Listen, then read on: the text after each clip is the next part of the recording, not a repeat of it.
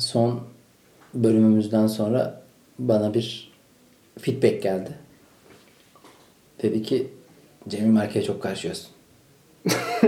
İsmini vermek istemediğim bir dinleyicimiz.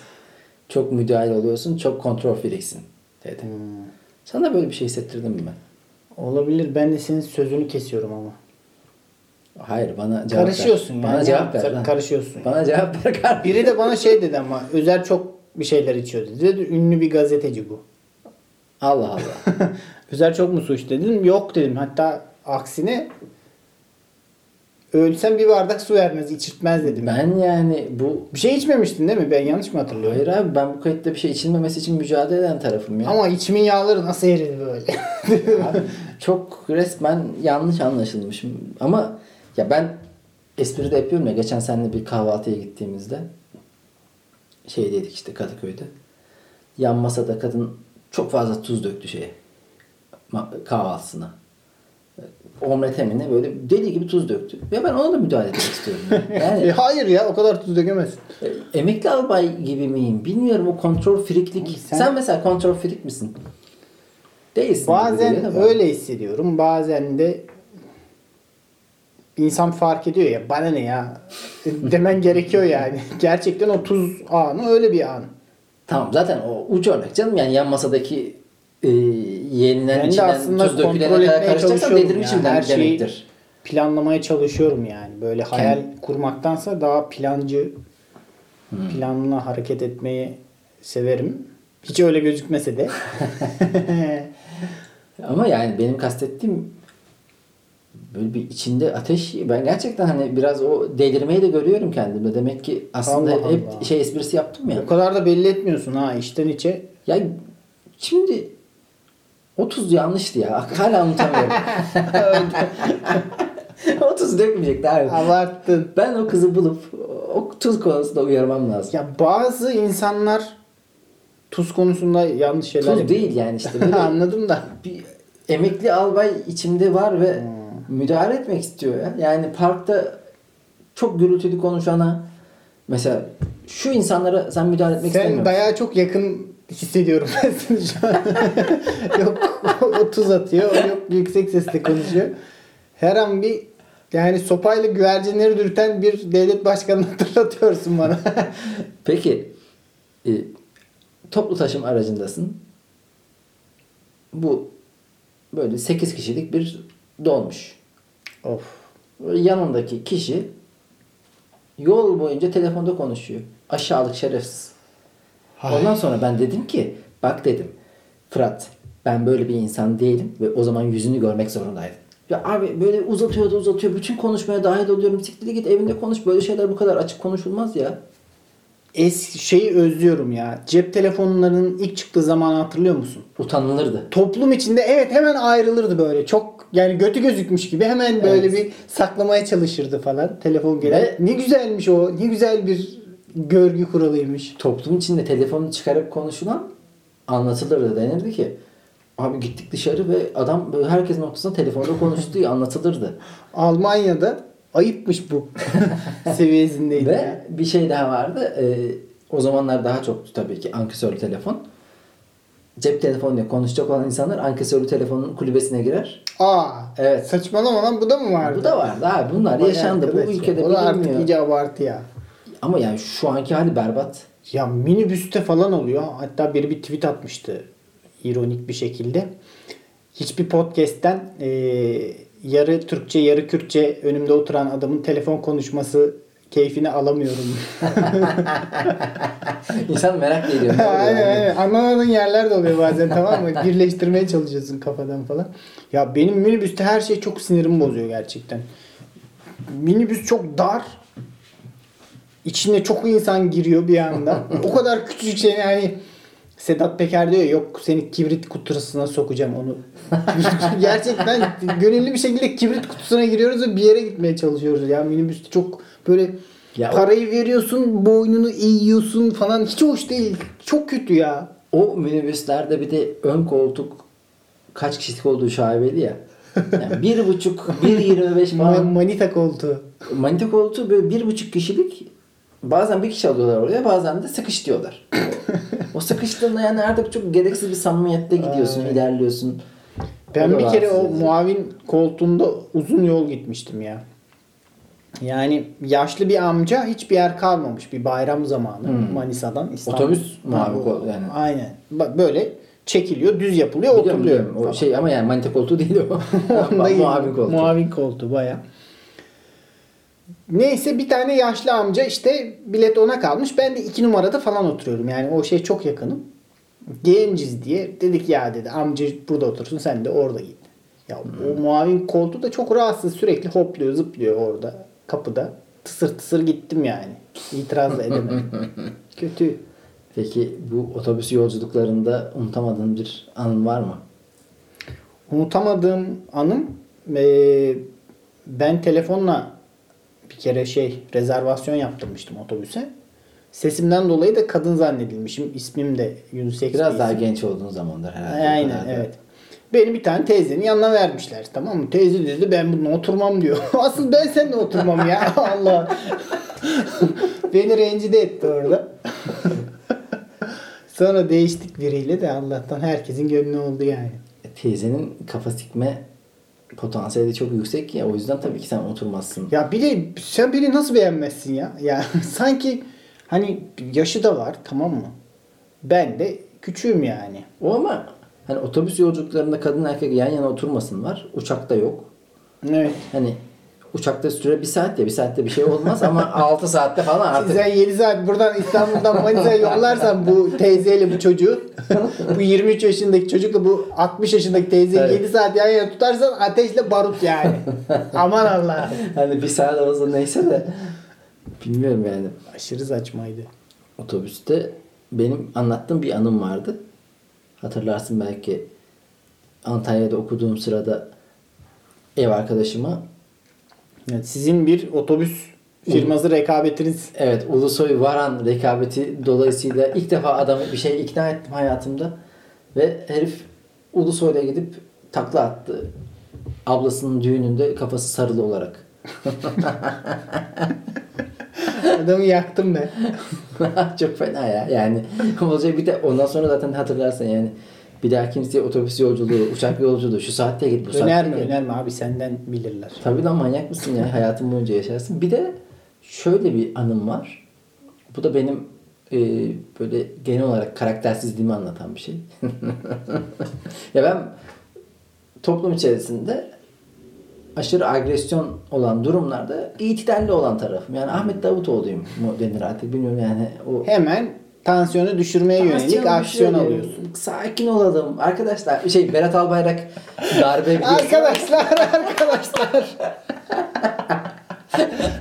sakin sakin. Hep o taraftayım. İşte Aslı'yla e, şeyden dönüyoruz. Bir yakın Hmm. yakın arkadaşımın yakın arkadaşımızın e, hastane ziyaretinden dönüyoruz. İzmir'de yani ziyarete gittik Uşak'a. İzmir'e döneceğiz. Ondan sonra yol başında da işte şey demiştik yani İzmir'de bizi Bornova'da şurada bırak. Ondan sonra muavin dedi ki biz orada bırakamıyoruz. Orada köşede polis ceza yazıyor falan filan. Başta dediğinin tam tersini söyledi. Biz de mağdur durumda bıraktı. Tabii ki kız kardeşim Aslı Uzun eee, öyle bu konularda pabuç bırakacak bir insan değil benim gibi. Ben olsam şey derim. Ha iyi tamam o zaman ne Sen yapılır? hatta öbür pabucu da al giy ya ben iyiyim yani. Ben şey yapayım o zaman sizle geleyim e, yazıhaneye gideyim. De biraz yazıhanede vakit geçirelim sonra da eve giderim. O kadar da önemli değil. Diyecek bir tinette bir insanım. Tabi Aslı ağzına sıçtı. Ne yapıyorsunuz siz başta böyle dediniz falan filan böyle bir e, kargaşa yarattı. Anarşi in otobüs. Ve paşa paşa bıraktılar bizi. Şeyde Bornova'da köşede daha önce bırakacaklarını söyledikleri yerde bıraktılar. Ben tabii bütün bu sürece uzaktan baktım. Ondan sonra da en sonunda da e, Aslı sinirle aldı bavulları falan. Bizim bavulları çıkarttılar. Ben de alıyorum. Böyle hani bizi bıraktılar ama nefret ederek bıraktılar. Hani muavin bavulu böyle lanet olsun diye bırakıyor. Aslı bavulu Karşılıklı Lanet restler çekiliyor, protestolar Ben de yapılıyor. orada bavulu alıp şöyle iyi günler. Hadi o zaman. Her şey Ya sonuçta bir- tatlıya bağlandı yani. Erkeğin de böyle date'de olur bu ya da kız Evet, arkadaşınla date. bir yere gittiğin zaman Of. böyle bir garsonla yaşanan tatsızlık olsun. Tabii tabii. Sokakta mesela el ele geliyorsun bir laf atan olsun. Şimdi Artık orada kadın kökenli bireyler, sevgili kadın arkadaşlarımız bu konuda belki algıları açık olmayabilir ama hani genelde toplu o işte otobüslerde ya da restoranlarda, kafelerde kadın olduklarından dolayı müdahale direkt fiziksel olarak olmuyor. erkeklere fiziksel olarak oluyor ama. Evet yani hani orada işte bir şey yani o tartışma içerisinde kadın garson, kadın muavin konu hep bir hararetleniyor ama bir yere varmıyor. Ama ben mesela müdahale olsam orada ben orada iyi günleri demesem dayağı yemiştim Cemil'cim. ben bugün yaşıyorsam Biz hala savunuyoruz o iyi günleri diyorsun. tabii ya arkasındayım tamamen. Benim de yanımda böyle bir kız olduğu zaman, kadın olduğu zaman senin tam tersine aşırı gaza gelirim. Şey gelir yani. Normalde altına Daha da. alacağım bir şey. Evet. 20'li yaşların başında o zaman dayak yemiş sıkıntılar- olman lazım. Dayak evet. dayak yedim ve bir de o zaman da zayıf siniri diye bir şey vardır ya. Şeyim böyle yere düşüyorum falan yine geliyorum. O dayak yemeyi de yediremiyorum kendime. Zayıf siniri demişken Dayak yemeyi yedirememek bu arada. Yok bir parantez açalım. Böyle bir ergenlikte o sinirden ağlama Evet, bir evet. şey vardı böyle hani Umut Sarıkaya'nın da karikatürü var bununla alakalı. Ulan yani durduk yere yine ağladık. Abi çok kötü hissettiriyor insanı. Zaten sinir olmuşsun. Ya onu herhangi bir yere kanalize edemiyorsun artık. Mesela yere düştüm ya kavga esnasında. Hı hı. bir daha hamle yapacağım zaman sonucun değişmeyeceğini biliyorum. Ama yapmasam bu sefer kendimi çok daha kötü hissedeceğim. Tamam mı? Yani yenildik mi diyorum ya? Yenildik mi? Gerçekten bitti mi burada? Tekrar pes etmiyorum ama bir yandan şey yaparım yani. Bu kavga- Belki dayak yerim ama sindiririm. Yorulur yani beni döven insan. Tabii ben yani hayatımda hiç kavga etmedim. Umarım da etmem. Ama çok kavga izledim. Bu kavga Kavgadan sonra iyi günler o zaman. Abi olay politikadır ya. Politikayı ya- yani siyasetini kuracaksın orada. İlla yani kavga etmeye gerek var mı? Bazı şeyler itidalle de çözülebilir. Ben şunu diyeceğim. Bu kavgalarda bir eşik var. Özellikle lise zamanında, daha genç kavgalarında. Bir yerde erkeğin üstünü başını yırtması, çıkarmasına ben çok rastladım. Sen de gördün mü bunu? Bu benim Ya başıma gelen şeyler mi? şey demek. Artık her şeyi göze aldım. Yani kendi üstümü yırtıyorum. Sana neler yapmam. Şeydir böyle kendine vurma. İşte mesela kavgaya gitmeden önce kafanı duvara vurma falan saçma sapan şeyler olur gerçekten. O grup kavgaları Tabii yani falan. hani bu bana ne kadar e, zarar verici olabilir, ne kadar kıyıcı olduğunu muhataplarına ya da düşmanlarına artık orada gösterme güdüsüyle yapılan saçma hareketler. Bunlar hep alfalık mücadelesi değil mi? Yani hayatımız boyunca verilen. Ya insanın gözü dönüyor ya. Alfalık ne bilmiyorsun ki o, o bil- bilinçli o bilinçte olsan böyle Tamam, saçma ben- sapan yani hareket Ben etmezsin. zaten o an için, Evet. o an içinde ben bu alfalık yapayım dediğini iddia etmiyorum da geçmişe Evet, evet. baktığında bir alfalık evet iddiası. mesela yanımda tek başıma olsam sineye çekeceğim bir şeyi herhangi böyle bir tanıdığım karşı cins olunca özellikle hemen işi fiziksele döküyorum. Ben bundan 5-6 sene önce böyle ilk attığım tweetlerden biridir o. Benden çok iyi ikinci adam olur. Ben yani Atatürk olamam da İsmet İnönü olurum. İkinci Dünya Savaşı'na sokmam yani. Ya yok ya birinin de o başat adamın yanındaki yol gösteren ve güvenebileceği insan olması gerekiyor. Herkes mi yani evet evet. kahraman o zaman sorun Kemal Atatürk olması gerekiyor gibi bir durum var. Bilmiyorum. Yani ikinci adamlık da önemli. İkinci adamlık bir de zordur ya. Kimseye yaranamazsın. Yani ne bu senin tarafındakiler Hmm. böyle biraz Feyyaz Yiğit'in e, gibi de bir bölümde şey vardı. Yılgın bir hoşgörü. Vatka giymeye çalışıyor bu. Terzi de ya ben şey böyle O eskiden de falan diyor. Olur ama yaparım hatta ama olur ama falan. Feyyaz da buna sinir oluyor. Yani ben senin yılgın bir hoşgörüne mi kaldım falan diyor. İkinci adamlara böyle bir şey vardır. Yılgın bir hoşgörü. Ya bu da iyi ama işte karşı taraf zaten beğenmez. Ona daha çok daha kolay laf söyleyebilirsin çünkü. Birinci adama çok yüklenemezsin. Şey Fatih Terim Müfit Erkasap bu Evet. 2000 ruhu Galatasaray'ın en Belki de önemli- Orul Müfit Erkasap'tı. İşte orada Fatih Terim mesela Müftü Erkasap'la çok ta- şöyle bu geçen bölümlerde de bahsettiğimiz Haşmet Babaoğlu, Hıncal Uluç o derin sessizlikler 90 dakika bölümlerinde çok konuşulurdu işte Müftü Erkasap aslında işte muhalefet ettiği için Fatih Terim'e oradan bir şey çıkıyor falan filan diye. Hiç zannetmiyorum ya. Ya işte Müfit bahsediyor tamam mı? Şey, müfit dedim şu anda da yanlış oldu aslında. Yani Müfit Erkasap Fatih Terim'le alakalı konuşuyor. Fatih Hocam, Fatih Hocam, Fatih Hocam. İzliyoruz. Lan Fatih Terim geliyor Müfit diyor adama. ayıp be Müfit Hoca da falan bir şey de yani. Hani bu kadar da yani. ayıp. İyice çantacın yapmışsın Aynen adamı ya. abi. Bizim müfit. Çayları tazeli müfit. Böyle ikinci adamlardan üzüldüm bak bak. Ya empati kurmuşum Müfit'le. Ona üzülmüşüm mesela. Be ne yapıyor acaba şu an? O da yani niye mesela o ikililik bitti de Evet. Artık demek muhalefet etmemeye başladı Müfit Hoca. Daha muhalif adamlar buldu. Evet. Necati Ateş falan vardı. Selçuk var. Terim kendi yanına Hasan Şaş'tır.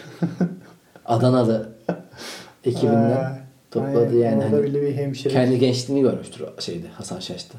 Çünkü Fatih Hoca da çok psikopat bir futbolcuymuş zaten. Aynen. Yani kavga dövüş falan. Hasan'da da vardı o ya. Böyle bir gözü dönüyordu onun da. Deli gözü var Hasan'da da böyle. Kafada kel de gözler iyice ön plana çıkıyor. Ama harbiden aynanın kendine de benziyordu yani baya. Aynanın keli öldü değil mi? Aynanın keli mi öldü? Evet aynanın Keli keli, öldü. öldü. Aa çok rahat bahsettik. Adamın Aynen. adı ne acaba? Bir dakika. O da bir ikinci adam mı ya? Erhan Güler yüzlü. Erhan Güler Yüz asıl Saçlısı, adam. Aynanın saçlısı. Evet aynanın saçlısı Erhan Güler Yüz, öbürü Vefat etti O sana. ikinci adamdı. Evet. O da çok O da ama Erhan Güler Yüz'e çok muhalefet edermiş. o yüzden grupta tutuluyordu. O şimdi kara mizah mı? Bilmiyorum. İnşallah öyledir. Ölüm varsa içerisinde. E, hazır Fatih Terim demişken milli takımdan da bahsetmeden olmaz. ya milli takım Kıraç'ın yani şarkısı kötü etki mi etti yani bize üzerimizdeki çünkü mesela harbiden arar bulurum seni bilirsin zır dediğim ben. ya olumlu etki etmeye gelince Süleyman La- rahmetli Süleyman Demirel'in bir lafı vardır. Zaferin çok sahibi vardır ama yenilgi sahipsizdir, öksüzdür Bu- diyormuş. Süleyman Demirel'in lafı mı? Ya da o da bir Birinci. Dünya Savaşı'ndan bir şey olabilir daha çok böyle ona benziyor. Hı, aynen. General Pattingham falan. Yani dünya üçüncüsü olunca şey Tarkan'ın şarkısı da pozitif etki eder. Her şey pozitif etki eder ama Kıraç'a çok önem atfetmek olur bence yani. ya iyiyken her şey iyi. evet. Yani Kıraç bile unutulurdu ha. Şu an 3'te 2 yapsak falan 3'te 3 yapsak. hep diyorum mesela Lan Kıraç hadi gel sen de hadi sen de eğlen falan derdi. Slaven Bilic zamanı Beşiktaş. Abi Beşiktaş'ın o yükseliş zamanı Bilic'in böyle en revaçta olduğu dönem her şey övülüyor ya. Bilic'in küpesi, Bilic'in aslında gitar çalması, metal rock sevmesi falan filan. Ve o zaman da demiştim. Bilic'in solcu olması. Evet. demiştim ki yani sonuçlar ters giderse Ters gidince EGM'ye şikayet ediliyor. Hayır solcu abi, diye. ilk söylenecek denecek şey o. O küpeni alır götüne sokarız. yani taraftar iki dakikada döner abi. evet evet. Ama şey güzel oldu. Biri tweet atmış. Ee, son İsviçre maçından önce yani çok önceden atıyor. Eğer üst, İsviçre maçında 3 gol yersek hani Kıraç'ın 8 tane şey vardı ya 8 Aha. gol yiyip şey kaç 7 gol mü yedik biz 8 mi? 8 gol yedik. 3-3-2. yani 3-2-3. Tam işte 8 tane Kıraç vardı o klipte. Kıraç sayısı kadar gol yiyip turnuvaya veda edeceğiz demişti. Gerçekten de öyle oldu. Şimdi e, İrfan neydi tam adı? İrfan Can Kahveci. O İrfan Can Kahveci tek golümüzü atan futbolcumuz. Ona selamlar olsun. Hayır, e, Kıraç'ın tam ismi neydi? Kıraç Tufan. Ali Tufan Kıraç. Ali Tufan Kıraç. Ali Tufan Kıraç için Laf Ola Podcast'te şunu diyebiliriz değil mi? Aşırı itici bir adam. çok itici bir insan ya. Yani Bak çok itici insanlar görüyoruz. Ama Kıraç, Kıraç itici. ilk ilk beştedir mutlaka. Evet. Bir de ilk iticilerden bile Şimdi olabilir. iticilikte şöyle bir şey var. Yani bir insan Ya bu adama itici olduğu hiç söylenmedi mi acaba? Bu bir. İki, hiç kendisi farkında değil mi? Üç, biz de acaba itici miyiz? hep dediğim şey hep bu. ya bu- şimdi Kıraç olayında bu eskiden beri yok Aliye'dir bilmem bir İstanbul masalıdır. Dizilerin müziklerini yaptı. Bir hayran kitlesi de olunca Ben severdim o zaman bu arada ilk çıktığında. Aa işte bak sen Yani de şey- sen de iki dakikada döndün taraftar Hayır gibi. yani o zaman ama kişiliğini bilmiyorduk. Sosyal medya yoktu. Evet. Şeyi çıkmıştı, albüm çıkmıştı. Kara yok Karadır Kaşlarım değil neydi? Dur. Ee, Karahisar Kalesi. Hmm. Karahisar Kalesi yıkılır gelir. Evet o zaman kişiliğini bilmediğin için sadece şarkılardan biliyorsun. Belki de nice iticiyi biz tanıyamadan vefat etti gitti. Aynen. Geçmişten de. Keli. Rahmetli. Ruh, Ya ruhu atıyorum olsun. e, şey diyorsun ya çok sevdiğin ölmüş birini söyle. Mesela Erdal Tosun'la Gürdal Tosun'un babası Hmm. tam aşçı rolünde. Evet. Yani filmlerde hep sempatik gördük adam. Belki itici herifin tekiydi yani. Hmm. Yani bilmiyorum çok absürt bir örnek verdim ama. Yani olabilir sonuçta bir Kişiliğini farz misal bir şeyden ya. bahsediyorsun. Aynen. Olabilir. Sosyal medya ile birlikte iticilikler de ortaya çıktı biraz. Evet yani Kıraç çok net itici olduğu belli de ya, mesela günlük bizim hayatımızda da karşılaşıyoruz mi? Ya çok illa- itici mesela. Ya mesela bugün sahneye çıktık stand-up'a. Mesela bir eleman var. çok itici yani. Hani çok itici. Evet ya. Şimdi- yani o ya iticilik subjektif bir şey ya.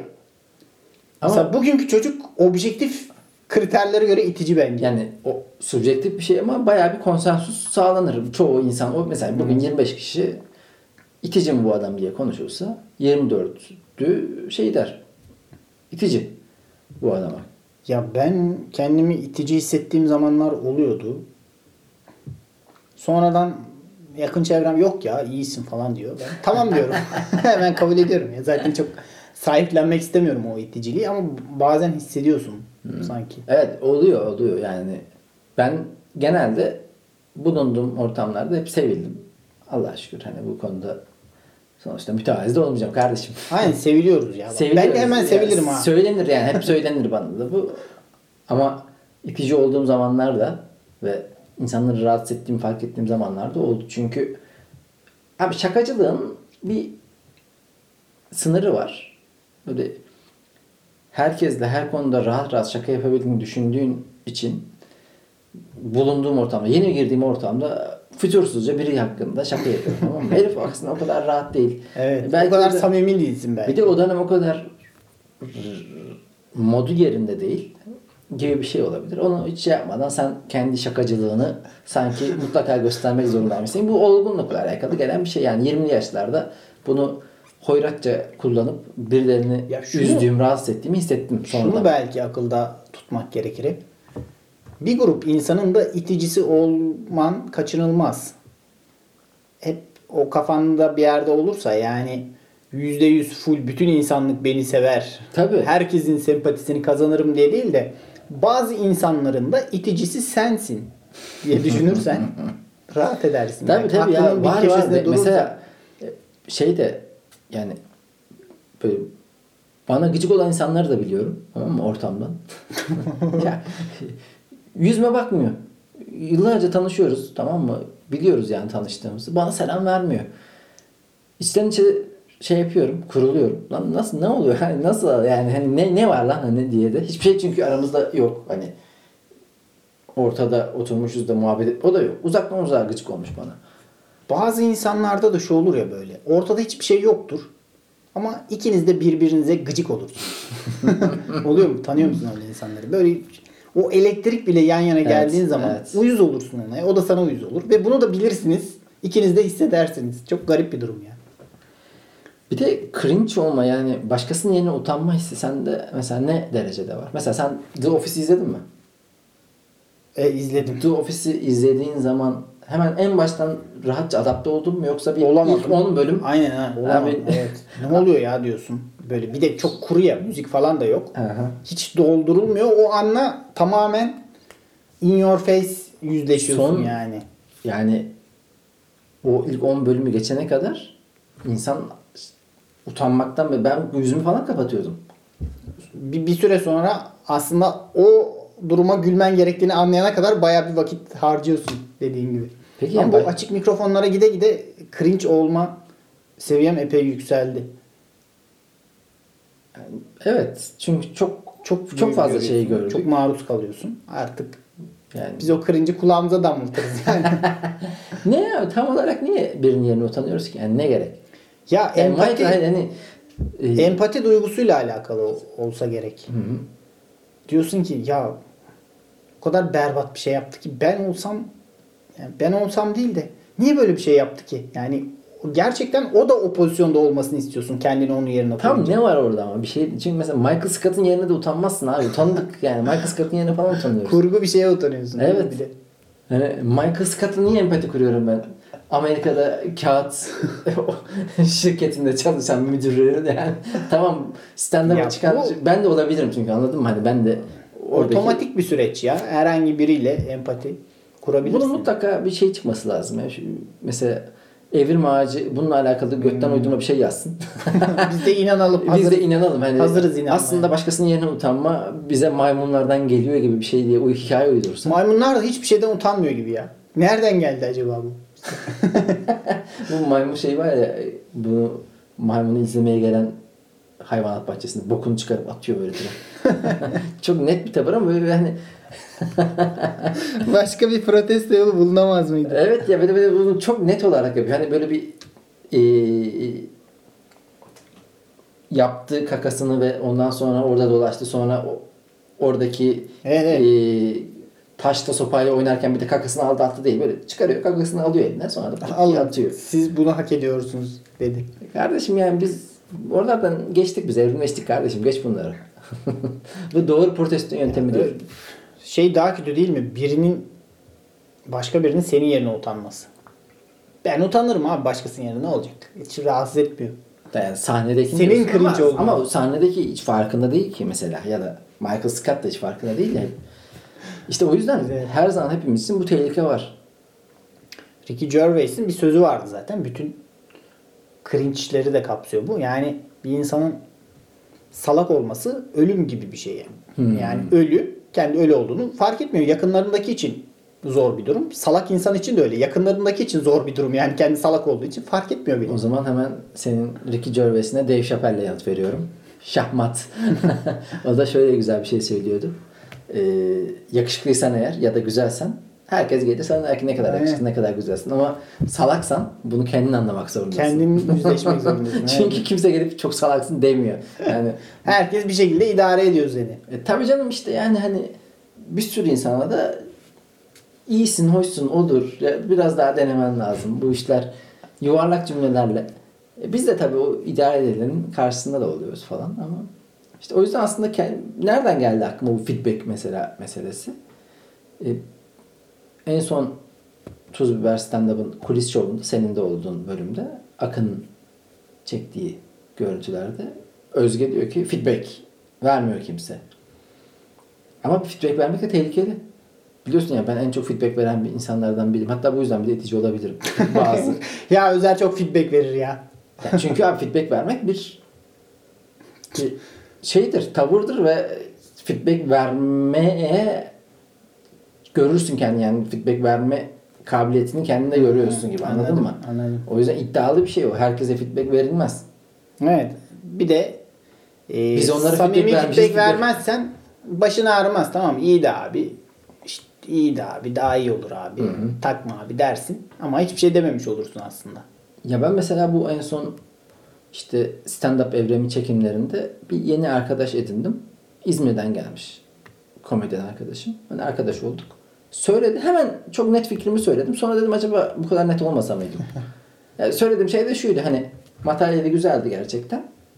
O da söyledi materyalin yeni olduğunu. O yüzden ben de ama şunu dedim hani materyalin yeni olduğu için ağzına tam oturmamış biraz ezberden okuyor gibisin. Hani böyle bazı materyal senle Hissetmeden sadece söylüyorsun yani. Evet bazı seninle bütünleşir ve günlük konuşma dilinde gibi aktarırsın. Bazısında da böyle geliyor, yapıyor, dum falan diyerek bunu söylersin. Onu aktardım. Sonra dedim acaba fazla mı oldu? İşte mesela feedback vermede böyle bir sorun var. Evet. Çünkü bu fazla mı, eksik mi? Yeni tanıştığım birine bu kadar feedback verilir mi, verilmez mi? Bunu düşünüyorum ama İyi yapmışsın ya. Eleştirin olmadığı yerde çürüme başlar her zaman dediğim gibi. Ya ben feedbacklerimde genel olarak yani haddimin olduğunu düşündüğüm şeylerde gerekçelendirerek veriyorum onu. Yani şu şeyi söylemiyorum aslında asla. Kötüydü daha iyi olabilir çalışman gerekiyor. Böyle yuvarlak değil. Yani neden? Bunun matematiği nasıl olabilir? Bunun üzerine çok e, naçizane kafa yorduğum için böyle feedback vermeyi seviyorum. Ama onun dışında ben de yani iyiydi, kötüydü, beğendim. En sevmediğim şey yok. Yani Aynen. bazen Beğendim ya da beğenmedim feedback değildir ya. ya abi şey de feedback O senin nasıl hissettiğindir. komediyle alakalı bir şey denir ya. Zaten abi sahnede yaparsın. Seyirci gülerse güler, gülmezse gülmez. O da feedback değil ki aslında. Çünkü onların ortalamasıdır. Niye? Lan bazı gece gidiyorsun dünyanın en komik insanı sen gibisin davranıyor insanlar. Yani öyle bir kahkaha çıkıyor. E, Bazı gecelerde full sessizlik. Sen tit- ağzın böyle oynamıyor. Titreye titreye iniyorsun falan. Yani bunların bir ortalaması bu. Evet. Var mı konu gönder. e, haksızlığa uğramak dedim. Ha şöyle bir konu var aslında. Bu ara çok senaryo kitabı okudum. Şimdi öykü kitabımı bitirdikten sonra artık kendime bir yeni hedef olarak bir senaryo yazacağım. Kenara dursun diye. Ve Sitfield'ın senaryo kitaplarını okuyorum. Çok seviyorum adamı. Çok şundan dolayı çok seviyorum. Sektörün içinde çalışıp böyle o sektörden de insight bilgiler vermesi çok hoşuma gidiyor. Böyle sanki Hollywood'da dedikodu dinliyormuşum gibi. İşte şöyle bir yapım vardı o zaman geldiğinde senaryonun ilk hali böyleydi. Biz böyle dedik ondan sonra şöyle değiştirdi. İşte bunun içinde e, Spielberg gibi yönetmenler de var.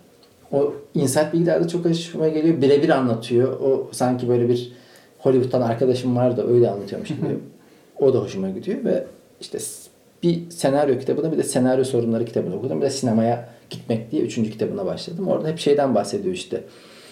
Yani bir senaryoda ana karakter pasif aktif olabilir diyor. Ve en büyük sorunlardan biri. Pasif aktif de şu. Sürekli ana karakterin başına bir şey geliyor ve ana karakter onlara tepki veriyor. Diyor ki sizin karakteriniz mutlaka eylem yapmalı. Çünkü sinema bir eylemler Action ya. Sinema eylemleri gösterir. Movie. O resimler o eylemlerden ibarettir ve eğer sırf onun başına gelip o da tepki veriyorsa sizin karakteriniz pasif aktiftir ve senaryoda kaybolur. Şimdi tabii bunu gerçekte kendi hayatıma da düşündüğümde ulan yani bir şeyi kendin hayatın öznesi olup olmama hep düşündüğüm ve hatta benim de yazdığım şeylerde de karakterlerde hep o vardır. Direkt açık açık söyler. Yani ben hayatımın öznesi değilim nesnesiyim der. Komik günlerde Sinan Su. Böyle hissiyatın olur mu senin? Sen ne kadar eylemde inisiyatif alan taraftasın? Ve mesela bu bütün karakterler için Hollywood senaryosu bu arada bu bahsettiği Ama- şeyler e, dönüm noktaları oluyor. Böyle şeyler var mı? Hayatında. Öyle şeyler illa olmuştur da onun için düşünmem lazım. İnsan ne kadar e, o ifade ben hayatımın öznesi değil nesnesiyim ifadesi sadece kurgu bir karakterin diyebileceği bir şey. Çünkü aslında hepimiz hayatımızın öznesiyiz. Hiçbir zaman nesnesi değiliz ya. Orada dereceler var yani bazı yerlerde. Tabii ki yani zaten ben hiç kimsenin direkt gördüğümüz insanın ibaret olduğunu düşünmüyorum. Yani seni mesela ailen yanında görmedim ben. Evet. Büyük ihtimal ailen yanında bambaşka bir insansındır. Birçok farklı insan taşıyoruz iç, içimizde yani. Mesela seni bir çift olarak da görmedim. Mesela bazı insanlar e, sevgilisinin yanında çok değişir. Anladın mı? Ya da iş Evet. yerinde çok değişir. Ba- Mesela bazı insanın iş yapan insan artistliği vardır. Hiç sevmem ben. Ulan herif böyle normalde iyidir, tatlıdır falan filan. İş yapmaya başladığında bu mesela şuradan koltuğu alıp şeye atacağız. Çöpe. Onu alırken bile bir gerilir. Birden yönetmeye başlar evet falan. direktifler yağdırır. Direktif yağdırırsan oraya geç. Onu gönder falan filan böyle. Herkesin o yüzden karakteri direkt ilk gördüğümüz, genelde gördüğümüz olmayabilir. Ama bazıları çok o direksiyonu kendi yönlendirmeye meyillidir. Bazısı da biraz daha orada pasif kalmaya meyillidir. Ya ben genelde alışmam lazım bir ortama. Kolay samimiyet kuramam mesela. Hı hı. Ama şeyi yapabilirim. Konuşabilirim samimiyet. Eskiden onu da yapamıyordum. Yani yapamıyordum değil de yapmak hoşuma gitmiyordu. Şimdi idareten herkesle konuşabilirim her şeyi. Eskiden öyle değildim ama belli bir şey geçmesi gerekiyordu. Vakit geçirmem gerekiyordu biriyle. Ama şimdi gideyim biriyle oturt beni. İki saat konuşurum böyle çok iyi anlaşmış gibi. Ama Ama, anlaşmamışımdır. Bazı topikler var ya çok ortak üzerine konuşulabilir. Biraz da aslında stand-up'tır, podcast'tir, çal çene yapılacak işler olduğundan dolayı o kabiliyeti de artırıyor. Ben de onu fark ediyorum. Ya hem hayat arttırıyor hem de evet bu işler de arttırıyor. Sürekli soru oluşturabiliyorsun kafanda. Konuyu açabiliyorsun. İşte o senaryolarda karakterin aktif olması ve dönüm noktaları. Çünkü karakterin dönüşümleri olması gerekiyor. İşte benim de hayatımda dönüm noktaları var. Mesela mühendislikten yazarlığa geçmem büyük bir dönüm noktası. Aynen. Güzel. Ben düşüneyim bunu ya. Güzelmiş bu. Güzel ya böyle hani mesela benim sinemayla alakalı fikrim daha önce sana söylemiştim podcast'te söyledim bilmiyorum. Bunun da önemi var mı onu da bilmiyorum. Niye açıklıyorsam sürekli. Ee, sinemanın abartılı bir iş olduğunu düşünüyorum. Çünkü hikaye anlatıyoruz en nihayetinde. Bu hikayenin anlatma biçimleri ne var? İşte alırım bir hikaye yazarım kağıda, boş kağıda. Şu an önümdeki boş kağıt bana hikaye yazmak için bir fırsattır. Prodüksiyon var değil mi sinemada? Evet Acayip abi işte para şimdi bak ya da stand up yapıyoruz elimize mikrofon alıyoruz gene hikaye anlatıyoruz. Öbür türlü de bir hikaye anlatılıyor. Bir ana karakterin, yan karakterin dönüşümünü ve o hikayenin işte e, anahtarını anlatan resimli bir hikaye. Ulan 150-200 tane insan. Amerika'da bunun mesela ortalaması herifin dediğine göre 12 bin 15 bin dolar dakikası. Yani 90 dakika 120 dakikayla çarp bunu. Şu an her sene de artıyor bu. Türkiye'de de aynı seviyede. Ve işte onun içine o hikayeyi değiştirmene neden olan yapımcılar, dağıtımcılar, oyuncular vesaire vesaire. Ulan iş zaten mesela sanat neden sanat olmadığına dair şöyle bir e, ka- karşılık veriyor insanlar.